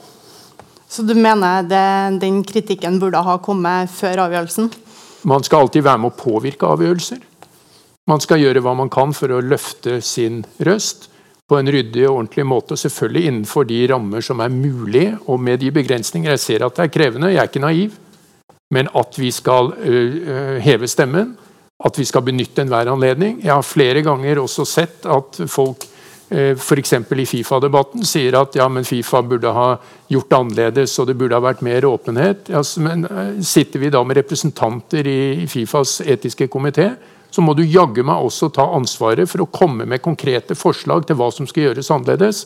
Og det ansvaret har vi alle sammen. Derfor må NIF sammen med alle særforbundene ta initiativ til å se på hvordan kan vi helt konkret, i alle konkrete saker og muligheter, benytte sjansen til å løfte dette på dagsordenen og sørge for at dette blir gjort, slik at de som bryter de internasjonale reglene, at det får konsekvenser varig. Eh, og det må gjøres ryddig og ordentlig. Jeg har lyst til å utfordre dem da, på um, å være veldig konkret uh, og forplikte seg på hva de, hvis de blir valgt, uh, ønsker å gjøre internasjonalt for å rett og slett få til en endring. Fordi det går altfor sakte med de gutta boys, boys som sitter her nå, for å si det rett ut. Altså, de eh, er, sånn som jeg beskriver i, i stad, det er en, eh, en, eh, gutteklubb som eh, sitter og innehar eh, mange posisjoner rundt omkring i idretten. Som har sittet der i 10 år, i 20 år, i 30 år. De fleste sant, begynner å nærme seg opp mot eh, 70. Veldig lite ut, u, lydhør. For å bidra til større uavhengighet, for å bidra til mer åpenhet for å bidra til mer likestilling, for å bidra til mer transparens rundt eh, pengestrømmer. Altså Alt det vi ser på som godt styresett, som vi legger til grunn for verdier som vi tenker handler om eh, demokrati, da, og som eh, vi snakka om her i sted. ikke sant? Idretten er avhengig av tillit fra folket, fra utøverne. Og nå er internasjonal idrett i ferd med å miste legitimitet fordi at man ikke skjønner at man kan ikke fortsette å drifte en organisasjon og fortsette å tufte et sånt lederskap som er så til de grader i utakt med den tida man lever i. Og jeg er veldig skuffa over at ikke Idrettsforbundet har gjort mer de fire årene for å påvirke, men de må snakke innenfra alt det der. Man er nødt til å begynne å bygge sterke allianser med idrettsledere av andre land. Man må begynne å stille krav. Og det er jo ganske alvorlig da, når regjeringspartiene på Stortinget er nødt til å fremme et forslag eh, for å bidra til, å, til endringer i internasjonal idrett. Altså Nå fremmer vi på Stortinget. Eh, jeg tror kanskje det kommer til å få enstemmig eh, At det blir enstemmighet bak det forslaget om at uh, man er nødt til å uh, nå få politiet til å gå etter pengestrømmene og anse doping som korrupsjon og økonomisk kriminalitet. Jeg syns det er gjort altfor lite. Det vet Tom, det vet Kristin Kloster og det vet styret. Men jeg ønsker å utfordre. Hva vil dere gjøre konkret? Og ikke bare da snakke om eh, charteret og alt det her, for det er bare, det er bare tomme ord. Hva kan man gjøre? Det er vanskelig, men man kan ikke sitte som norske idrettsledere med vår, eh, med, med, med vår, verdi og våre tradisjoner uten å foreta seg noen ting når man ser hvor alvorlig det er internasjonalt. Og skal vi håpe å få et OL til Norge, så det vil det norske folk, det er jeg helt sikker på. Man har sagt nei til IOC. Man ønsker seg et OL, men da må vi se et IOC som lever i takt med tida man lever i. Og det kan en av dere faktisk få til. Og da vil jeg høre hva skal dere gjøre for å få det til. Svar på det, helt konkret. Mulklev? Vi må benytte enhver sjanse med en helt tydelig og klar stemme gjennom eh, Idrettsforbundets kanal, gjennom alle særforbundene som har muligheter til påvirkning, hvor eh, nettopp kravet om uavhengighet i forhold til hva da? Nettopp eh, hva særforbundene må stille som krav til seg selv og hvilke konkrete tiltak som må gjøres for å få det til. Det må vi gjøre sammen med særforbundene ved å sette oss ned én etter én etter én og i fellesskap og se hvordan vi kan eh, endre dette, slik at vi får en ren idrett. Jeg skal starte helt der på innledning for, for, å prøve å samle oss om det vi er enige om. Eh, det er jo eh, Målet vårt må kontinuerlig være eh, at man har fair play. Dette med doping er en kjempeutfordring. Dette med kampfiksing er en like stor utfordring som ikke har like stort fokus på. Og Så er det dette som blir da sagt om å fremme krav. For jeg hører jo det du sier, Linda, om et IOC som er gammelmodig, ingen endring. Du eh, sier at eh, det skjer ingenting. Og, og, og det, det, kan du godt mene, men jeg ser et IOC etter Agenda 2020. Siden den ble innført i 2015, så er halvparten av, styr, altså av, av det utvida styret de er endra. IOC har bl.a. innført 70 års aldersgrense, noe vi heldigvis vil jeg si, ikke har i norsk idrett, i frivilligheten. Eh, IOC har tatt eh, med seg bærekraftsmålene. De bygger hele det som heter new norm, når de skal nå kjøre nye OL, inn i dette. Uh, så, så, dette med et IOC, Linda, som du har truffet Jeg har vært på tror jeg, samtlige møter i fire år, både på det olympiske det paralympiske og Special Olympics. Og jeg ser vilje til endring, ikke minst gjennom Agenda 2020. Men, uh, så, så, Nei, men nå må jeg få lov. Og så, så, så det betyr igjen at rene utøvere må vi stå felles om. Og for meg så er det da Da kommer du inn på koden og WADA-koden. Norsk idrett sto sammen med departementet når vi fikk endra koden sist gang rullerte, med fire års utstengelse. Det var en krevende sak. Det var ikke alle som var enig i det. Nå har vi eh, gjennom eh, Trine Skei Grande, du var til stede, vi har en felles erklæring hvordan vi skal jobbe. Der ligger det mye bra for hvordan vi skal agere internasjonalt. Men til syvende og sist så er det nå endring av koden. Altså WADA-koden den er ute på høring nå. Der er Norge en, og jeg er lei for å si det, en av få som gir innspill til det. Bare sånn er det. Så skal jeg si eh, Du sitter som visepresident i WADA. Uavhengighet. Vi er enige om det. Men det er klart at når du kommer til Russland, så har ikke de noen selvstendig idrettsorganisasjon. De er staten i idretten, de er staten som myndigheter, og de er staten som antidopingbyrået. Så det å være uavhengig må òg ha en ordentlig eh, tilnærmelse på. For målet her må være at det organet som WADA skal være, som du, Linda, har tatt initiativ til, som heter One Voice Det var nemlig å samle Europa. Det har jeg jobba med. Men det er ganske krevende, det vet du, når de splittes i gamle østblokken. Og da er det akkurat det du sier. Vi må bygge allianser som over tid gjør at vi klarer å endre dette. Og da må vi endre det innenfra. Så skal jeg bare si, Vi har 240 personer i særforbundene som jobber rundt forbi idrettsorganisasjonen, som vi skal koordinere på en enda bedre måte, som denne erklæringen nå ligger til grunn på. Men vi kommer til å svare krast på det som er svaret på endring av kode nummer tre nå. Men bare en replikk da, for at, uh, Du vet også like godt som meg at det er det er mange fine endringer og det er reformer som skjer på papiret. sant? Men du vet at det er noen få mennesker som sitter og styrer hele internasjonal idrett. Noen få veldig mye makt på få hender. Og en av de veldig mektige er jo han som skal bestemme om vi får VM til byen her. Kasper, som har stått i 24 år, eller hvor lang han har sittet.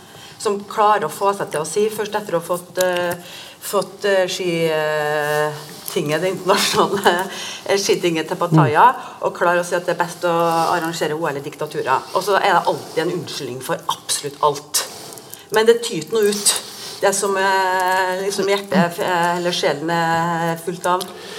Du vet at det er sånn det er. Og hva har hva konkret. skal konkret norsk idrett gjøre for å endre på dette her? For det er de gutta der som bestemmer.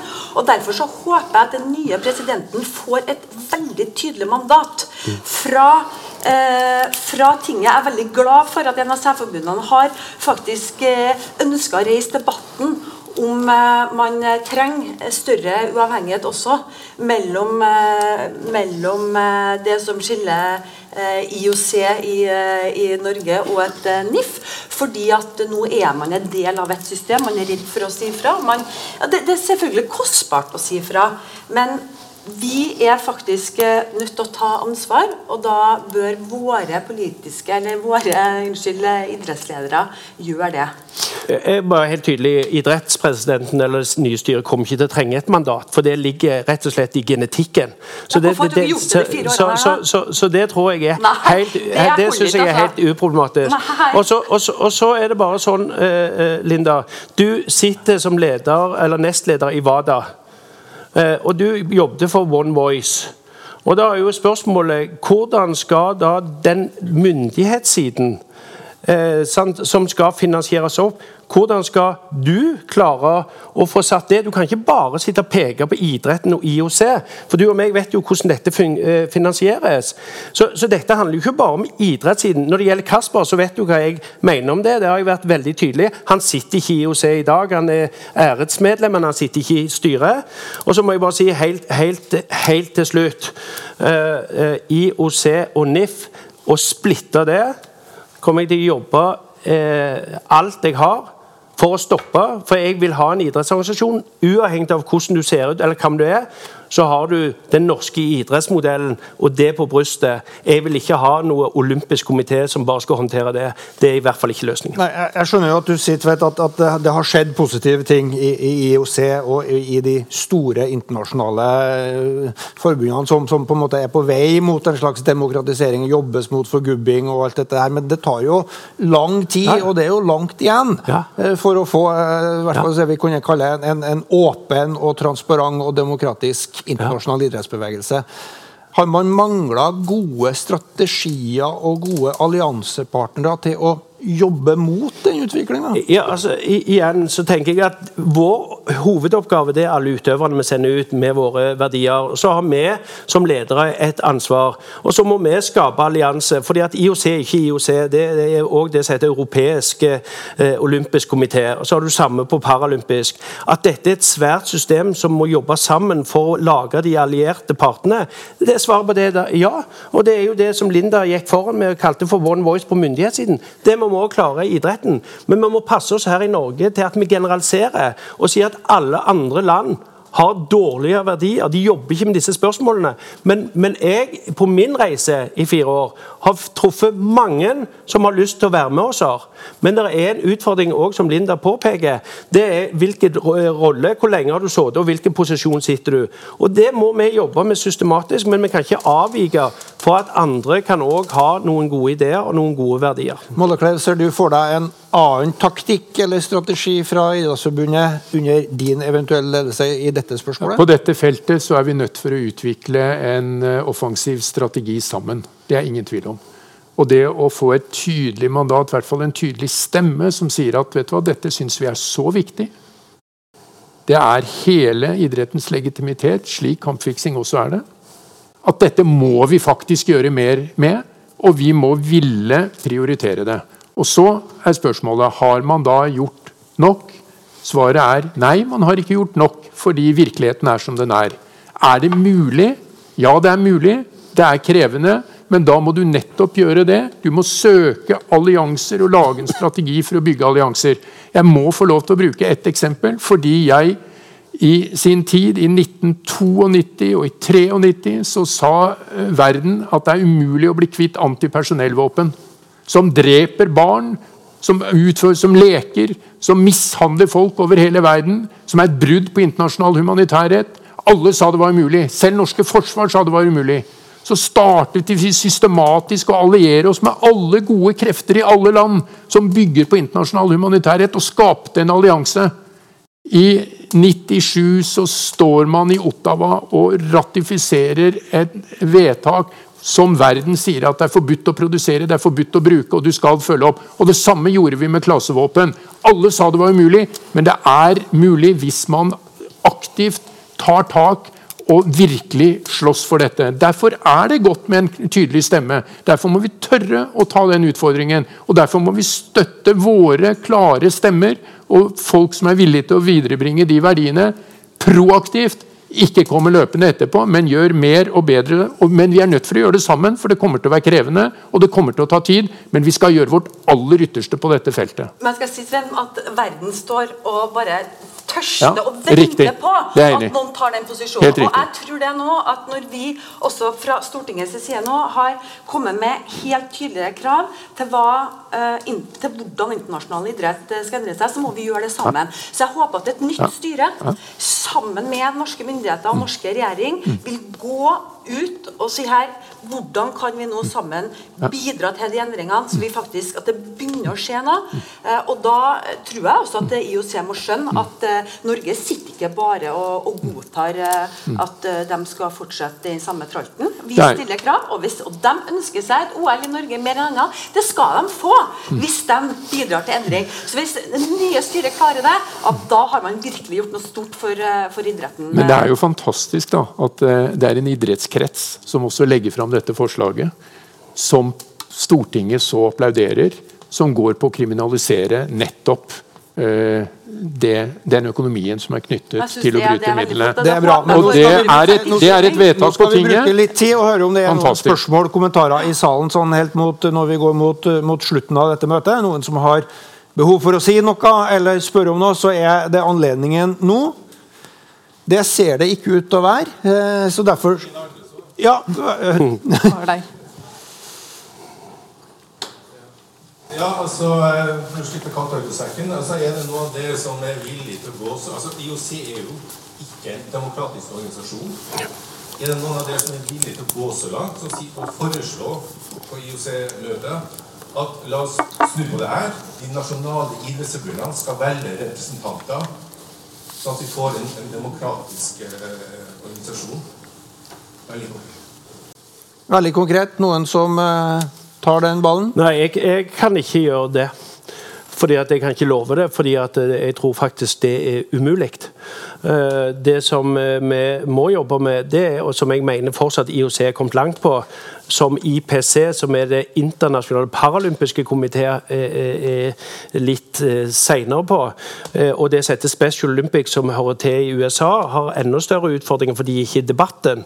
Det som er viktig, som, som jeg er opptatt av, det er de endringene som er tydeligvis uenig i IOC, som skjer. Det er 208 land som er med i ANOK, som er deltaker i olympisk, 197 i paralympisk. Men vi er nødt for å påvirke gjennom de ressursene som vil endre det som vi vil. Og så er det skjedd stor endring i valget av IOC-medlemmer, som det er også av IPC, der utøverne har heldigvis fått en større, større bit av det. Så skulle jeg bare si én ting jeg glemte, Linda, for det er ganske viktig. Og det var det bildet fra Østerrike. Eh, Jeg var der nede, og det å se det bildet er eh, forferdelig brutalt. På den andre sida så er det òg godt som idrettsleder, fordi at det ble satt bilde på hva dette faktisk handler om. Der sitter det en gutt på 26 som kommer fra en mest sannsynligvis en kultur hvor dette mest sannsynligvis ikke har hatt det fokuset som vi bør ha hver eneste dag. Det var et brutalt bilde, men eh, det er det som er realiteten. Hvis vi skal vite at dette er fair play, så må dette ryddes vekk. I salen her så sitter Adresseavisa sportskommentator Birger Løvfalli og har fulgt debatten. Hvis vi får en mikrofon frem på, på fremste rad. Reis deg, Birger. Ja, bare still deg Ja. Kameraene kan snus dem, så Du har fulgt eh, debatten, eh, Birger. Eh, Vi har jo snakka om mange ting her, men, men dramaet utspiller jo seg om en måneds tid på, på Lillehammer når, når, når idrettstinget eh, kommer der. Men fremover og, og, og videre også, hva, hva ser du på som de store utfordringene for Idretts-Norge å ta tak i, både på idrettstinget og, og videre fremover? Så overordnet så er det nå det at alle som går med, det ene er en begge eh, de to som sitter her. eh, eh, At det ikke skal bli for kostbart, at det ikke skal bli kassetid. Og den fluorsaken i langrenn er jo et eksempel på akkurat eh, den utfordringa. Og så er det mer sånn større spørsmål som eh, eh, det med IOC, den debatten der, eh, og tildelingen her, som tenker blir et tema, som skal bli et tema på idrettstinget. Eh, Og et framtidig OL eh, i Norge. Men eh, fram til eventuelt en eh, sier at eh, det er en form på, så er det jo kampen mellom de to her som kommer til å dominere fram til idrettstiden. Er det noen noe, noe spesielle signaler du vil sende på vegne av trøndersk idrett, da, eller hva du, hva du, snakker på vegne av, som, som er viktig for, for uh, i hvert fall én kandidat da, og en i, i tenkeboksen å adressere idrettstinget med? Nei, Hvis jeg kan summere opp litt, da, uh, så er jo litt enig i det som var sagt i det første spørsmålet, at det var på grensen til å bli kjedelig. At uh, det var jo stor enighet om at det er vanskelig å se eh, forskjellene på de to eh, som sitter her. Eh, og det er vanskelig å være uenig. òg. Altså, er Forskjellen er jo at vi har opplevd fire år med Tom Tvedt som leder av norsk idrett. Eh, og det har skjedd mye bra, og du trekker fram veldig mye som er bra. Og så er det jo spørsmålet hvis vi har gått ut på gata her og spurt folk, tilfeldige eh, medlemmer av norske idrettslag, er det dem som har vært fram. Hvis, hvis spørsmålet vårt er hva forbinder med de fire siste åra under Tom Tvedts ledelse.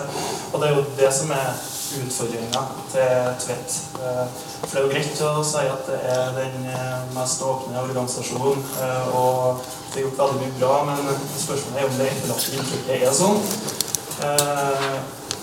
Og så har det roa seg eh, rundt eh, den turbulensen siste året. Det kan jo hende at dette har gått over. Eh, det er jo organisasjoner som har beholdt topplederen og gått videre. Det vet vi ikke. Eh, Svein Molepleie, vanskelig å være uenig med noe av det du sier. Begge har gode hensikter. Og så er forskjellen at du har ikke ledet norsk idrett tidligere. Og det er jo forskjellen. Spørsmålet er jo da hva er det som får til å samle folket best? Hva er det som får til å dra lasset best, for det er jo der det ikke har fungert optimalt de siste fire åra. Uh, og ja, det, det, er jo det det kommer til å handle om. Et eventuelt Takk skal du ha, Birger Løfali. Har dere noe behov for å oppsummere eller kommentere det Adresseavisas sportskommentator her er inne på? Nei, altså jeg, jeg har jo levd med disse. De sitter jo her. Eh, og det er jo det som jeg starter med å si, at vi skal jo være sjeleglade for at vi får så mye fokus på idretten. Eh, og så, så, så, sier Birger at, eh, at styret ikke har fungert optimalt. Eh, så vil jeg si at det, for det første er det et stort styre. Det er et styre som har levert disse resultatene. Det er et styre som har eh, vil, Jeg vil på, tør å påstå har stått i noen utfordringer som norsk idrett ikke var beredt på, nemlig 15 000 medieoppslag eh, døgnet rundt. Vi var ikke forberedt på det. Eh, vi var ikke satt opp for det. Så analysen din tror jeg du har helt rett i. og Derfor syns jeg at denne type arenaer er helt på sin plass. At vi klarer å vise hva norsk idrett er, og hva det er vi holder på egentlig å bygge på. og Ikke bare at vi fører det for sånn dag-til-dag-politikk eh, eller eh, i media. Det er viktig, men det å klare å løfte dette i en større dimensjon Jeg har fortsatt mange ting som folk ikke vet at norsk idrett driver med. Jeg vil si at jeg er eh, glad for at det ikke er stor uenighet verken her eller blant andre eh, om hovedmålet om idrettsglede for alle. Eh, takk og pris, så står vi sammen om det. Eh, takk og pris, så er vi enige om de viktige bærebjelkene for norsk eh, idrett. Det handler om å realisere dem i en ny tid. Det handler om å samle krefter.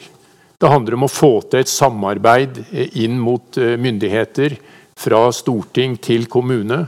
Det handler om å involvere næringslivet på en eh, aktiv måte, men hvor vi har eierskapet til aktiviteten.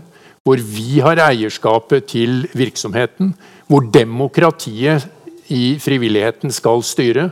Hvor vi skal utvikle eh, nettopp den kraften som ligger i å få mer og bedre aktivitet i en ny tid. Og hvor vi internasjonalt tør å ta nye initiativ for å oppnå mer enn det vi har oppnådd til nå, i saker som faktisk handler om hele idrettens legitimitet.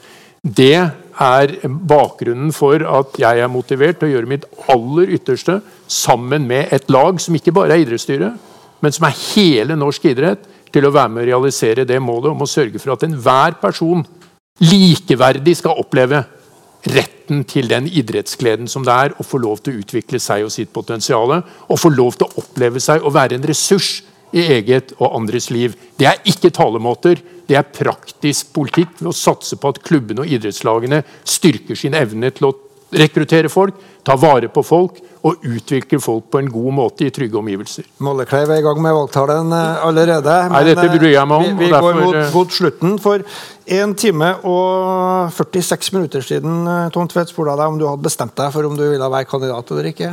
Har du, har du tenkt over det underveis? Det mangler ikke på engasjement for, for norsk idrett her. Har du, har du, svarer du det samme nå etter dette Nei, men For å svare i en annen ende, da. Engasjementet mitt Jeg er idrettspresident, uansett frem til mai. Det har jeg tenkt å være de neste helgene òg, som jeg har vært de foregående. Og jeg brenner for denne organisasjonen. Derfor så sa jeg til valgkomiteen at jeg hadde lyst. Og så ber jeg om respekt for at valgkomiteen har da innstilt en annen. Og så er dette en demokratisk organisasjon, og det, det, det privilegiet tar jeg meg sjøl. Men at du har en idrettspresident eh, som er i ferd med å gå av, det skal jeg love deg at du ikke har. Men da gjør vi en avtale om at du ringer Sporten i Adresseavisa når du har bestemt Det deg. lover jeg 100 Høres veldig bra ut. Takk til dere som var her. Takk til alle som møtte opp. Vi er ferdige her i kveld. Takk for nå.